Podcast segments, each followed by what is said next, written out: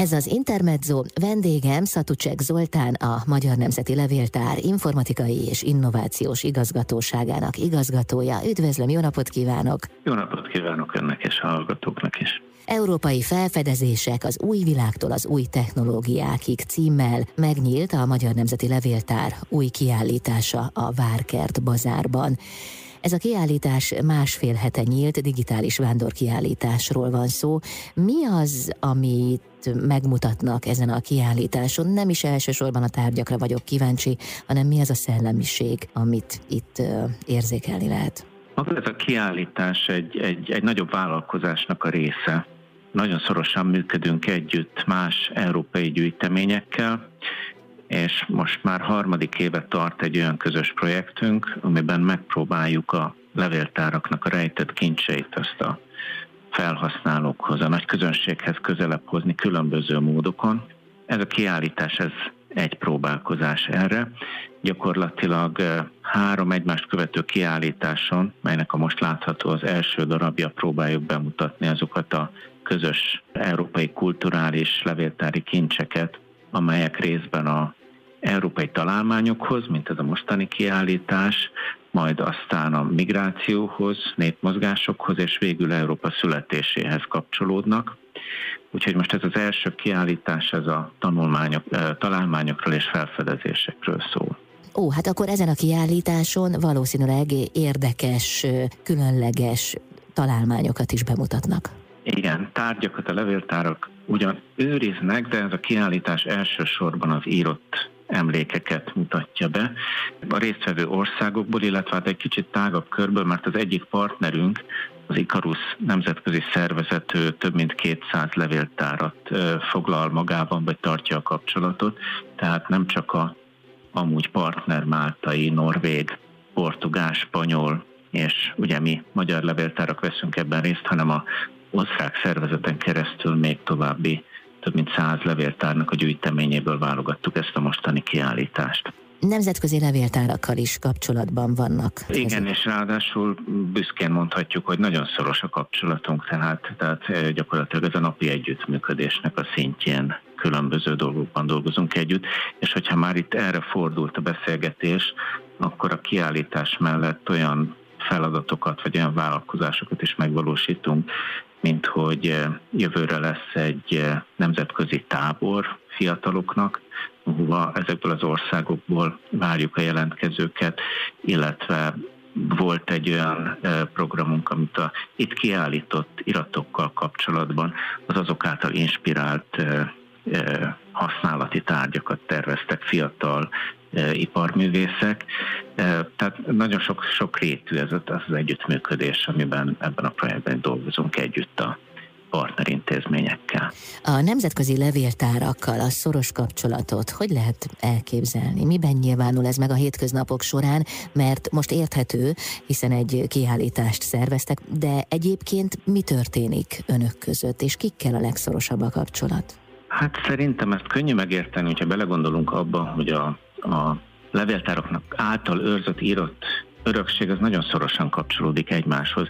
Sokszor esetleges, hogy egy középkori oklevél az, az melyik országba került. Ugye ezek általában magániratok voltak, adománylevelek, amiket egy család részére állítottak ki, és nyilvánvalóan, ahogy a család története azt a dokumentumot el vitte valamelyik országba, házasságok révén, költözések révén könnyen elképzelhető, hogy egy magyar vonatkozású középkori oklevélre Svédországban lehet rábukkanni, és hát ugyanígy a különböző történelmi események nagyon szorosan kapcsolódnak egymáshoz, tehát hogy bármilyen korszakról valamilyen képet akarunk kialakítani, akkor azt úgy tudjuk legjobban, hogyha ezeket a dokumentumokat megpróbáljuk összekapcsolni, megpróbáljuk felfedezni gyűjtemények közötti kapcsolatot. A most megnyílt kiállítás fókuszában a felfedezések és a találmányok állnak. Mi az, ami látható ezen a kiállításon? Mivel csigáznál fel a hallgatóinkat? Hát szerintem önmagában a, a tudománytörténet, a találmányoknak a története az, az rendkívül érdekes, izgalmas, az a kreativitás, amivel az emberiség a története során próbált újabb és újabb megoldásokkal könnyíteni az életén, problémákat megoldani, ez, ez, ez már önmagában egy nagyon érdekes történet, nem beszélve azokról a kuriózumokról, ami egy ilyen típusú kutatás során előjönnek. A mostani kiállítás az három fő pillérre támaszkodik az orvostudomány az adja magát ebben a járványos helyzetben, hogy kiemelt figyelmet kap. E, nem csak a járványokról van a kiállított iratokban szó, lepráról, pestisről, koleráról, hanem a ezekkel kapcsolatos közegészségügyi intézkedésekről uh-huh. gyógyszerészet történetéről, az emberi test felfedezéséről. Az orvostudomány az első fontos pillére. Az ipari találmányok a másik ilyen nagyobb csoport, ami köré próbáltuk a, az iratokat összegyűjteni, csoportosítani. És hát itt is nagyon sokrétűek a, a, azok az iratok, amiket ez a kiállítás kínál, egészen a a középkori vízemelő rendszerektől a 20. századi elektronikai találmányokig. E, nagyon szívesen kiemelek egyet-kettőt ezek közül. Jó. Mit szól hozzá, ha ezt a következő blogban tesszük? Nagyszerű. Köszönöm szépen. Folytatjuk a beszélgetést Szatucsek Zoltánnal, a Magyar Nemzeti Levéltár informatikai és innovációs igazgatóságának igazgatójával itt az Intermedzóban. Az Intermedzó vendége Szatucsek Zoltán innovációs igazgató. Arról beszélgetünk, hogy megnyílt a Magyar Nemzeti Levéltár új kiállítása a Várkert bazárban. Ez egy digitális vándorkiállítás, amely elsőként a tudomány és a technológiai fejlődés történetet járja körül. Három nagy témában mutatkoznak be tárgyak, illetve levéltári adatok, információk ezen a kiállításon. Ismételjük el, hogy melyik ez a három, és aztán az előbb ígért nekünk érdekességeket, különlegességeket. Igen, hát az orvostudomány és az ipari találmányok mellett a harmadik nagy terület, amivel foglalkozunk, ez a közlekedés, szállítás.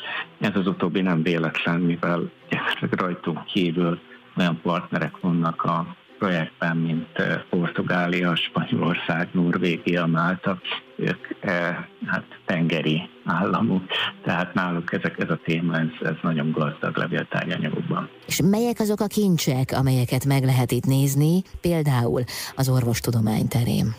Hát az orvostudomány terén az egyik, ami eredetiben van kiállítva a kiállításon, ez az imonyi karanténállomásnak a tervrajza, ami nagyon hasonló intézkedéseken alapult ez a, ez a karanténállomás, amit 1762-ben eh, hoztak létre, mint amit most is alkalmazunk a, a járvány elleni védekezésben. Zimony egy stratégiai jelentőségű közlekedési csomópont a Duna partján, és itt épült fel ez az állomás, három méter magas kőfallal körülvéve, hogy senki, aki, akinek nem illetékessége ne mehessen be, és minden határátlépőt, aki itt a Dunán főleg kereskedők jöttek, egy vizsgáló területen kikérdeztek, ahol ezek a, azok az emberek, azok a orvosok, akiknek ez a feladata volt, 190 cm távolságot, közösségi távolságot tartottak előírás szerint a feltételezett betegektől, mégpedig úgy, hogy egy, egy kettős kerítés választotta el az utazókat, akik be akartak lépni a magyar területre, azoktól, akik végezték ezt a vizsgálatot. Teljesen el voltak különítve azok, akiknél találtak valamilyen gyanús fertőzésre utaló jelet, és azok, akik pedig a karanténállomásnak a személyzetét képezték. További járványokkal kapcsolatos dokumentumok is szerepelnek a kiállításon, a 19. századi kolera járvány, vagy a korábbi évszázadoknak a nagy járványai, középkori lepra járványuk, vagy a máltai lázzal kapcsolatban. Uh-huh. Hát ez a jelen helyzet fényében különösen izgalmasnak tekinthető, meg hát az is, hogy akkor is fontosnak tartották a távolságtartást, csak nem másfél méter volt meghatározva, hanem, hanem egy méter 90 centiméter. Vajon miért? Hát talán még sokkal óvatosabb volt voltak, és azt gondolom, hogy, hogy kevesebb eszközük volt, kevesebb tudásuk volt a járványoknak a terjedéséről, uh-huh. nagyobb volt a biztonság. Igen. Az ipari találmányok témaköréből mi az, amit kiemelne? Hát, hogy ne csak a saját dokumentumainkról beszéljünk, van egy nagyon érdekes rajzunk a toledói vízellátásnak a megvalósításáról. A Madrid melletti Toledo Alcazár várában a Tehó folyónak a vizét vezették fel, nagyon hasonló módon egyébként, mint a budai bárnál itt a vízivárosból vitték fel a vizet, és ami szintén ezeknek a találmányoknak a nagyon nemzetközi jellegét, vagy, a, vagy a, ezekben a korábbi évszázadokban is a európai kapcsolatoknak az erősségét mutatja, hogy ezt egy olasz mérnök tervezte. Ez egy olasz mérnök tervezte a 16. században, aki 5. Károlynak a műszaki tanácsadója volt, és 1561-ben készítette azokat a dokumentumokat, amik itt ki vannak állítva. Ez egy ilyen lépcsőzetes vízemelő szerkezet volt, és a korábbi római, illetve arab hasonló megoldások után ez száz évig működött itt Madrid mellett, egészen odáig, amíg a faszerkezet az tönkrement. Nagyon érdekes, hogy, ahogy említettem, a különböző dokumentumokhoz fiatal designerek terveztek különböző használati tárgyakat. Nekem az egyik kedvencem az a kulacs, hm. amit az egyik spanyol tervező, formatervező készített, és ami egy mai használati tárgy, vizet iszunk belőle, és a, ennek a tervrajznak a e, ezenek a tervrajznak a rajzával van illusztrálva maga a kulacs. Mm, és miben más ez a kulacs, mint amit mi ismerünk? Abban, hogy egy olyan dokumentumnak a rajzát tartalmaz, ami a 16. századból származik, és teljesen autentikus. Aha, aha. Köszönöm szépen, közlekedés szállítás témakörében is nyilván izgalmas kiállítási tárgyak vagy információk, levéltári adatok láthatók ezen a kiállításon. Erről még nem beszéltünk, de visszatérünk rá. Európai felfedezések az új világtól az új technológiákig címmel kiállítás a Várkert bazárban. A másfél hete megnyílt digitális vándorkiállítás három nagy területre fókuszál, az orvostudomány, az ipari találmányok és a közlekedés szállítás. Az első kettőről már lényeg lényegében beszéltünk, de közlekedés szállítás témakörében mi az, amit kiemelne? Hát én megmondom őszintén, hogy engem, engem nem leginkább a kuriózumok ragadtak meg. A különféle repülő, úszó szerkezetek, amiket próbáltak a egykori kreatív emberek megalkotni. Egy portugál jezsuita szerzetes a 17. században például azzal az ötlettel állt elő, hogy ő egy, egy repülőgépet alkotott, ezt szerette volna bemutatni a portugál királynak. Ez a repülőszerkezetnek a rajza található e, meg a kiállításunkon, ami teljes egészében egy madárnak az anatómiáját e, követi, és ebben a létrehozott ebben a fa szerkezetű madárban utaztak volna az utasok, és hogy ez még hitelesebbé váljon a bemutatás számára, olyan tárgyakat helyeztek el, amit a korabeli emberek a tudományhoz kötöttek, tehát távcsövet, földgömböt, és így azt a képzetet keltette, hogy ez valamilyen nagyon tudományos dolog. Be is mutatta egyébként a szerzetes ezt a találmányát a királynak, de egészen más módon lényegében egy hőlékballont alkotott meg, amit a királyi palotában fel is engedett, a hőlékballon föl is szállt, viszont majdnem felgyújtotta a faszerkezetű mennyezetet, úgyhogy az utolsó pillanatban meg kellett semmisíteni. Oh. Ez a kiállítás egy háromrészes kiállításnak az egyik eleme, az egyik része. A másik két kiállításon mi minden látható? A másik két kiállításból a következő az a migrációval lesz kapcsolatos. Ez engem is meglepett, hogy ez egy milyen ilyen sokrétű kérdéskör, az európai népek azok mindig vándoroltak. Igen. És olyan témák jöttek itt elő, mint például a spanyol polgárháborúnál, amikor a, a franco ellenes Katalóniába menekült spanyolok Franciaországba vagy Dél-Amerikába költöztek. Szintén van iratunk a Norvégiában a számi kisebbségről, tehát egy szóval nagyon sokféle nagyon sokféle dokumentum lesz majd itt is látható. Ez az egyik legfontosabb témája a második kiállításnak. A harmadik kiállításunk az pedig Európa születésével általában foglalkozik, itt megpróbáltunk olyan témaköröket feldolgozni, mik azok a, azok a kulturális, kulturális, vallási irányok, amik meghatározták Európát, ahogy ezt ma ismerjük. Tehát itt a vallás és a felvilágosodásnak a, a diskurzusára próbáltuk különböző dokumentumokon keresztül felépíteni a kiállításnak a mondani valóját, a művészetekre, a zenére, festészetre, ez a másik vonulata ennek a kiállításnak, és a, a, az oktatás a harmadik, a, a, a tudás és az egyetemeknek a világ, ami szintén e, meghatározó volt ebben a, ebben a folyamatban, ami, amit európai kultúrának ismerünk ma. Ugye ez három különböző kiállítás, vándorkiállításokról van szó. Ez mit jelent? Tehát ez a másik két kiállítás, ez most éppen hol nézhető meg? Az eredeti terv az az volt, hogy megcsináljuk ezt a három kiállítást, és akkor a hat partnerországban ez körbe fog majd vándorolni. De hát részben a járvány miatt, részben azért, mert az eredeti dokumentumoknak az utaztatása az rendkívül költséges, magát a közlekedést és a biztosításokat is figyelembe véve, és hát vannak nagyon értékes dokumentumok, amik itt kiállításra kerülnek, tehát ezt újra kellett gondolnunk. Úgyhogy lényegében valamennyi országban megvalósul mind a három kiállítás helyben. Ugye e, Spanyolországban e, most éppen Salamancában van az egyik kiállításunk nyitva, és e, áprilisban nyit majd Szevillában, ugyancsak áprilisban fog nyitni Lisszabonban a kiállítás, aztán májusban Oszlóban, szintén május végén Máltán.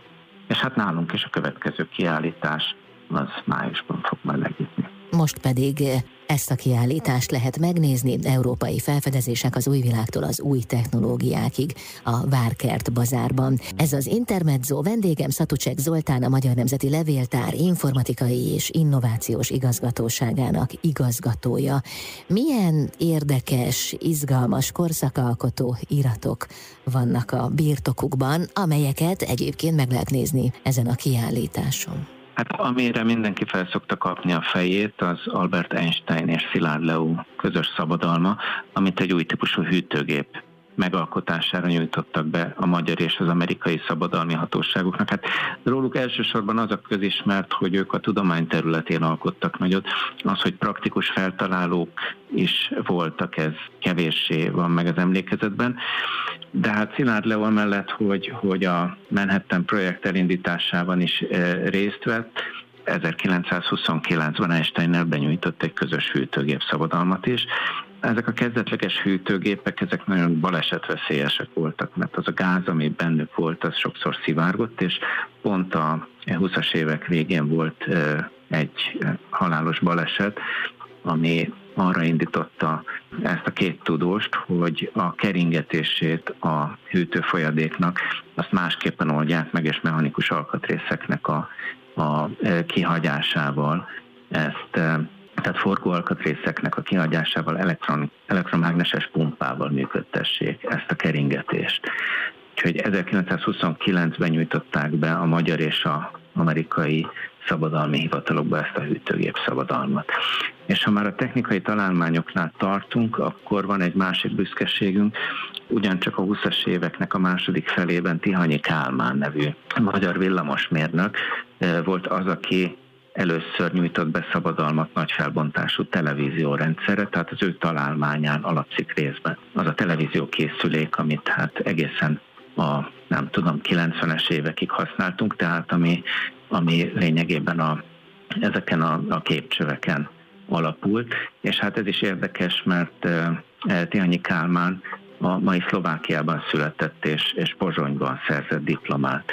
Gyakorlatilag minden egyes irat, amit itt elénk, elénk kerül ezen a kiállításon, valamilyen formában azt mutatja, hogy, hogy Európa mennyi, mennyire átjárható volt az elmúlt századokban is a tudomány szempontjából. Uh-huh. Nagyon szerettem még a, a, a norvégoknak a a iratait, amik itt megjelennek.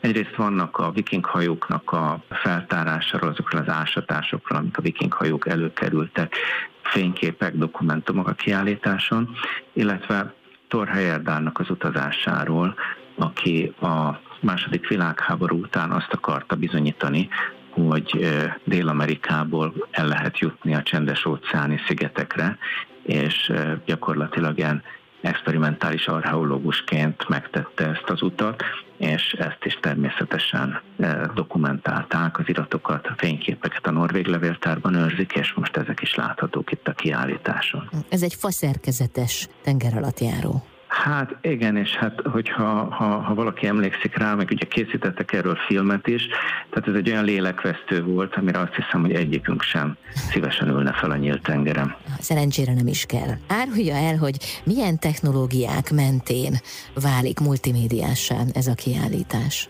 Igen, köszönöm a kérdést, mert, mert hát az egyik fontos része a kiállításnak, hogy nem csak hagyományos módon kiállítunk papírokat, fényképeket, iratokat, hanem próbáljuk ezt az új technológiával sokkal izgalmasabbá tenni.